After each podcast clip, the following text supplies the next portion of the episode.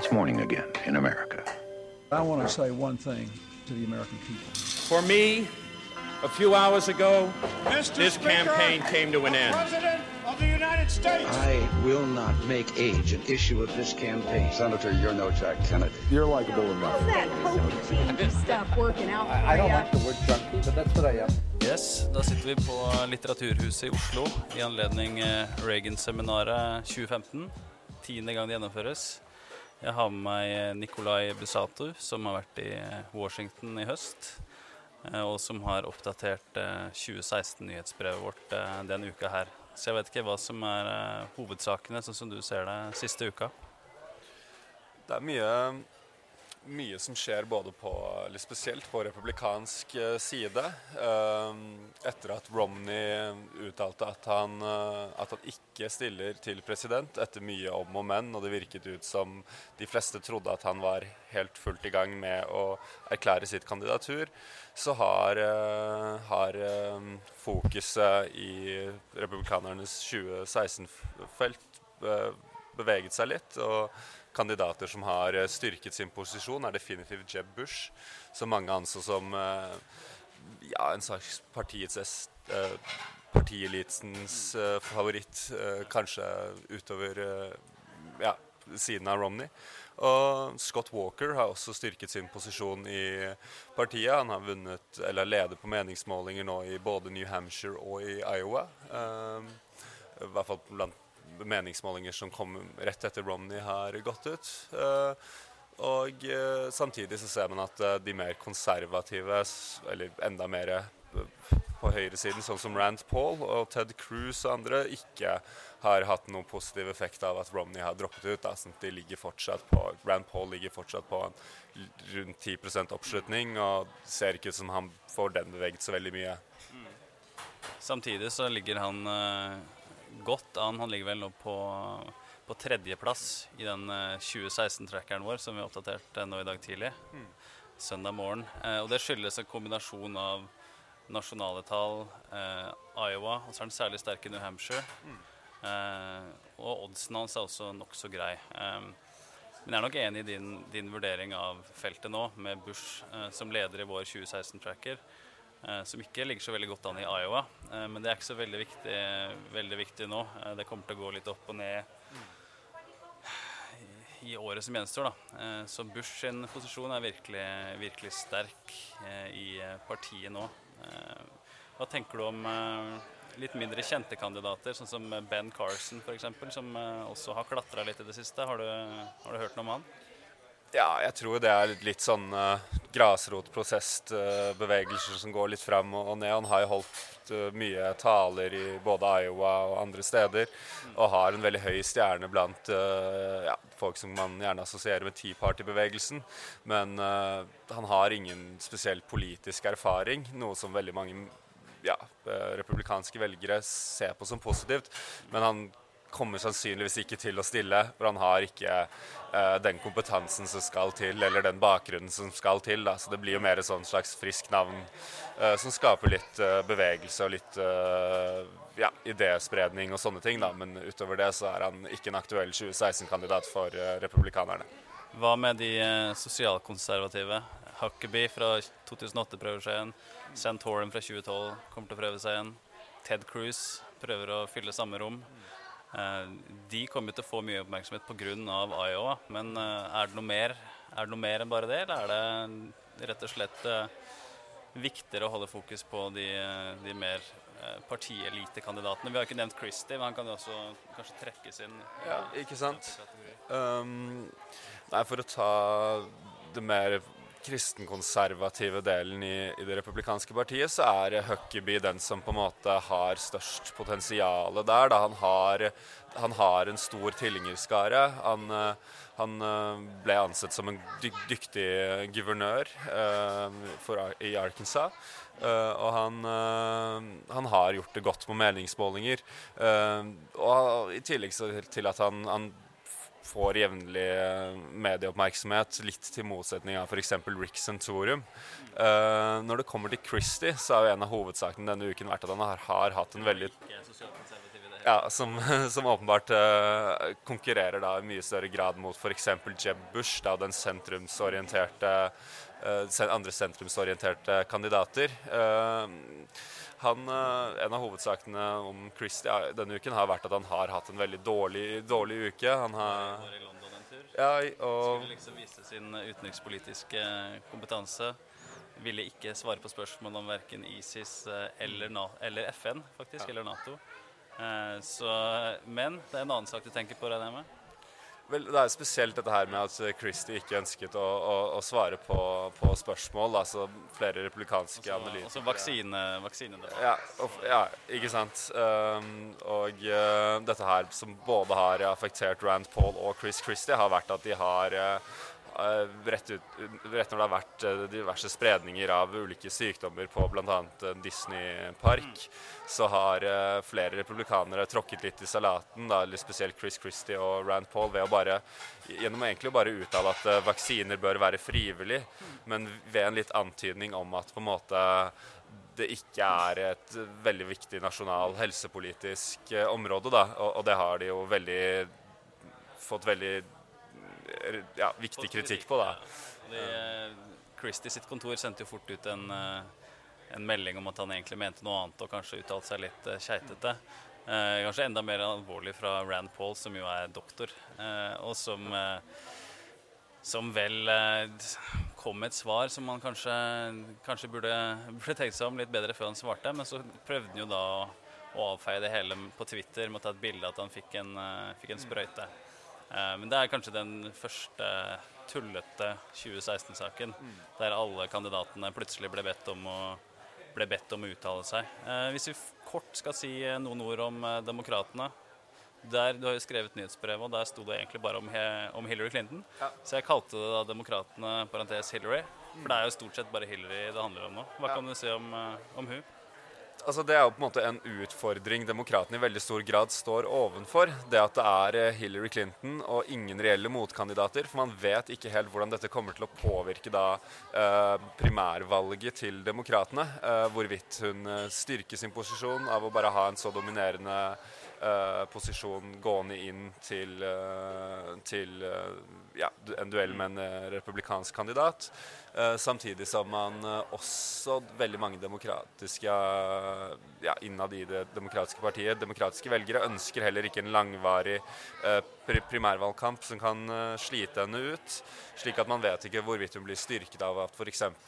kandidater på, på venstresiden, da, som Bernie Sanders eller Elizabeth Warren, ja, utfordrer henne da fra, fra venstresiden. Uh, Uh, Bernie Sanders var jo ute nå på MSNBC i, i, et intervju der og sa at hvis han velger å stille, så vil det bli for å presse frem en idékamp mot mm. Hillary Clinton. Og så vet man ikke hvorvidt det uh, vil ha en positiv konsekvens uh, for Hillary Clinton, eller hvordan det vil bevege 2016-valgkampen generelt heller, da. Ja, for det vil jo bli flere kandidater. Det må det jo bare bli i i det nærmer seg og man skal ha en TV-debatt kanskje, og man skal promotere en bok eller en sak som Bernie Sanders eller Jim Webb er en annen kandidat.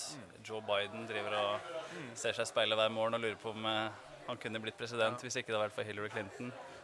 Men kampanjen hennes er jo så å si klar. Den er bare utsatt fra, fra april til, uh, til sommeren, som det, ser, som det, ser, ut nå. Men jo lenger det går, jo mer snakk blir det om de andre kandidatene. Så det blir jo spennende å se hvor mange måter Elizabeth Warren klarer å si nei på i det, siste, i det neste, neste halvåret. Så er det da spekulasjoner om det kan bli en double ticket med Hillary Clinton og Elizabeth Warren som visepresidentkandidat. Eh, det er jo mange spesielt Litt, eh, litt tungt ja. med to kvinner i i slutten av 60-åra fra nordøst. Men veldig, veldig på papiret så ser det veldig bra ut, da. Ja. For uh, progressive demokrater som uh, som drømmer midt på lyse dagen. Ja, absolutt. Så det blir jo veldig spennende. Det Det er jo nesten vel så spennende hvem, som, hvem demokratene eventuelt velger som visepresidentkandidat. da. Eh, fordi det er jo så godt som sikkert nå at Hillary Clinton stiller. Valgkampmaskineriet hennes er eh, veldig, veldig utbygget og ja, er, gras... som du skriver, så er det jo ikke bare potensiell valgkampmanager som er klar. Det er liksom medierådgivere, seniorstrateger, ansvar for, eh, for datainnsamling. Det er liksom alt. eh, meningsmålere. Alt er klart, bortsett fra at Hillary Clinton sier OK, folkens, dere har visst det hele veien, men jeg kommer til å stille. Så, så med det så setter vi en liten strek for uh, foreløpig for den 2016-praten. Så er vi tilbake på nettsida hver eneste dag i morgenkaffen med siste nytt og et ukentlig nyhetsbrev som eh, Nikolai Busato bl.a. er med på å redigere.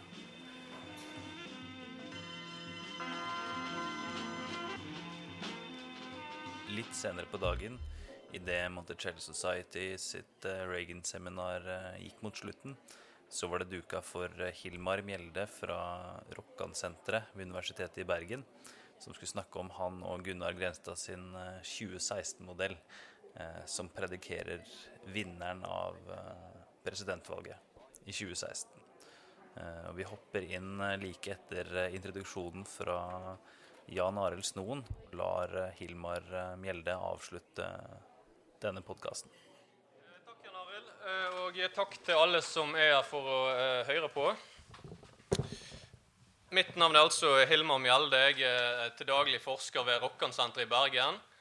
Eh, Og eh, foreleser om amerikansk politikk på eh, instituttet. Og engasjert som USA-kommentator i, i nyhetskanalen.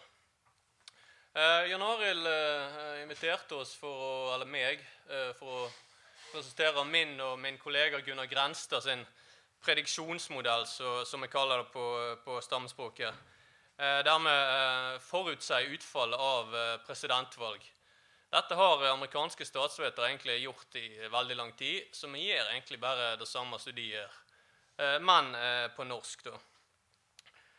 Eh, denne eh, prediksjonen her, eh, den gjorde vi for to år siden, i, eh, før Obama var innsatt eh, til sin andre eh, periode. Eh, for når vi ser fram i tid og forutsier disse presidentvalgene Vel, egentlig, vi ser ikke fram i tid, eh, vi ser tilbake i tid, eh, som jeg skal eh, vise nå. Eh, det vi gjør når vi skal forutsi utfallet i et amerikansk presidentvalg, det er at vi studerer mønstre, eh, ting som har kjennetegna de 17 eh, presidentvalgene etter andre verdenskrig. Eh, og vi mener at disse mønstrene da, eh, de tilsier en republikansk seier i eh, 2016.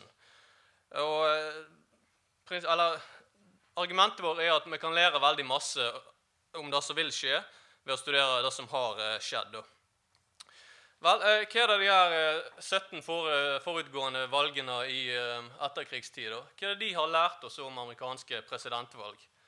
Vel, De har lært oss at det, disse valgene er kjennetegnet av en grunnleggende stabilitet. Det er særlig to faktorer som har mye å si i et amerikansk presidentvalg. Det første er ganske enkelt eh, at den økonomiske situasjonen har masse å si. Eh, nærmere bestemt den økonomiske veksten. Økonomien er sak nummer én i et amerikansk eh, presidentvalg. Og det er, Grunnen til det er at den amerikanske velferdsstaten er mye mindre sjenerøs enn den nordiske. Så Derfor er òg amerikanske velgere mye mer sårbare for svingninger i økonomien. Så da blir eh, økonomien naturlig nok et veldig stort eh, tema for folk flest. Så argumentet vårt er jo veldig intuitivt. At folket eller velgerne de eh, belønner lederne i gode tider og straffer de i dårlige tider. Et annet, en annen relevant, et annet relevant aspekt ved USA er topartisystemet. For når du har ett parti i opposisjon og et annet eh, som sitter ved makten, så klargjør det ansvarsforholdene. Så velgerne vet hvem de skal holde ansvarlig for økonomien, eh, alt etter hvordan økonomien er, eller hvem de skal belønne for økonomien. Så argumentet her da inn mot 2016 det blir jo naturlig nok at eh, eh, nå er økonomien i bedring, så da vil den demokratiske utfordreren eh, tjene på. For det er demokratene som har makten nå fram til eh, 2016. Men økonomien er bare én faktor her, som dere ser. Den andre som er veldig viktig òg, det er hvor lenge eh, presidenten sitt parti har sittet ved makten. Ikke presidenten sjøl, men partiet eh, til eh, presidenten. Etter en periode i Det hvite hus så er velgerne ofte villige til å la tvilen komme presidenten til gode. De vil gi vedkommende to perioder for å fullføre prosjektet sitt. Og I tillegg en president som stiller til gjenvalg, han har presidentembetet som sin viktigste valgkampressurs. For han er regjeringssjef, han er statsoverhode, eh, øverstkommanderer for de væpna styrkene, partileder. Altså, eh, Egenskaper ved det moderne presidentembetet gjør at presidenten dominerer amerikansk politikk, og i en valgkampsituasjon, sånn som Obama gjorde i 2012. Men Eh, etter to perioder så er velgerne normalt klare for noe nytt. Det som amerikanske statsvitere kaller 'time for change'-prinsippet. Eller regjeringsslitasje, kan man egentlig si på norsk. Og Det er òg en trend vi ser her i Norden. sant? Etter to perioder med samme regjeringskonstellasjon så er tilsynelatende nordiske velgere klar for noe nytt. De vil ha noen nye ansikt, nesten uansett hvordan det går med, med landet her. Eh, så når vi kommer til 2016, da, så vil Hillary Clinton Hun vil bli hun, Hillary Clinton, ja. Hun jeg antar er den demokratiske kandidaten i Ingen reagerte heller, vet du. det burde jeg sagt om bildene mine. Det er de to jeg tror blir kandidatene. Så hvis vi går videre med den, da Den demokratiske utfordreren Hillary Clinton antageligvis hun vil måtte svare i 2016, eller hun vil, hun vil bli eh, holdt ansvarlig av velgerne for det de mener er Obamas feilgrep og manglende resultat, eller påståtte sådanne. Så hun vil få det veldig vanskelige spørsmålet når hun skal legge fram politikken sin, at hvorfor har ikke de gjort disse tingene i de åtte forutgående årene? Eh, det eh, spørsmålet der stilte W han stilte det til Al Gore med stort hell i 2000. Hvorfor har ikke de gjort disse tingene når de har hatt makten i åtte år? Vi kunne kanskje tenkt oss da at, at hvis det var konstitusjonelt mulig for en president å stille til sitt andre gjenvalg, altså at Obama kunne stilt igjen nå, så vil han kanskje kunne veide opp for denne regjeringsslitasjen ved å bruke presidentembetet effektivt i en valgkamp. Men det er han altså forhindra ut ifra et 22. grunnlovstillegg som, fra 1951, som sier at presidenten kan kun sitte to perioder. Så nå i 2016 åpent presidentembete, Obama takker av, og du har en reorganisert opposisjon som vet at nå er tida inne for å lykkes.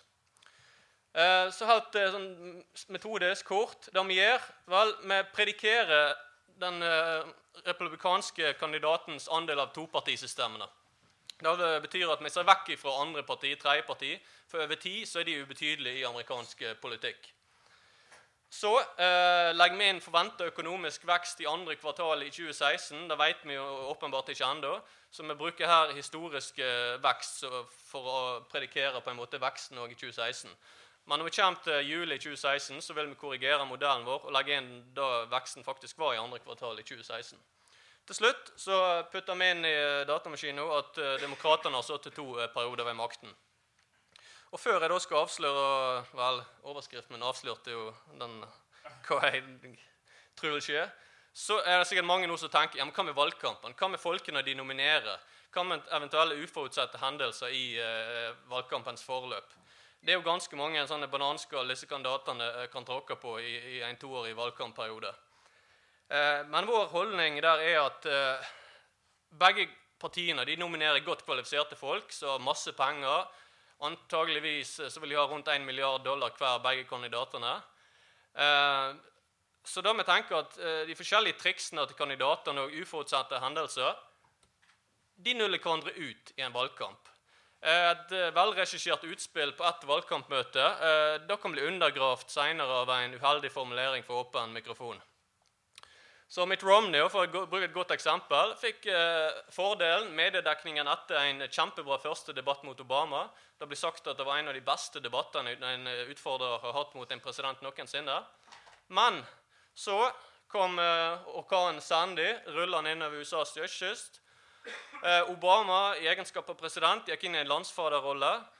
Og eh, Romney fikk ikke omtale omtrent eh, i ei uke i hele tatt på slutten av valgkampen. Så igjen, vi tror ting nuller hverandre ut av det som skjer i en valgkamp. Så vi ser egentlig vekk fra kandidatene. Så tatt ut av ekstreme så kunne et parti nominert Mickey Mouse uh, ut vår modell, og de vil, det vil ikke hatt noe å si. Uh, så vi ser egentlig i prinsippet vekk fra kandidatene. Så eh, ja, hva er det vi da eh, mener vil skje i, eh, i 2016? Den republikanske andelen, kandidatens andel av topartisystemmene den vil være eh, 52,9. Og vi gir det en 85,3 sjanse for dette utfallet her. Så da likte han selvfølgelig veldig godt. Så budskapet vårt er egentlig bare at eh, amerikansk eh, valgkamp det er et medieformidla eh, sirkus. Mye som kan kommenteres. Og eh, Media har en egeninteresse av å skru opp volumet i sin dekning. Sensasjonalisere stoff. da. Men vi ser vekk fra denne støyen til de ting, og på de tingene som vi mener faktisk betyr noe. Vi tror det er masse å lære av historien. Og så er det òg viktig at vi setter vår egen kunnskap på prøve. Det er jo litt det vi gjør her, egentlig. Så for all del, utfallet er uvisst, vi har stort eh, tillit til modellen vår. Så helt til slutt kan jeg vel bare si det som at eh, vi kan ta feil, men vi er ikke i tvil. Så eh, takk for det.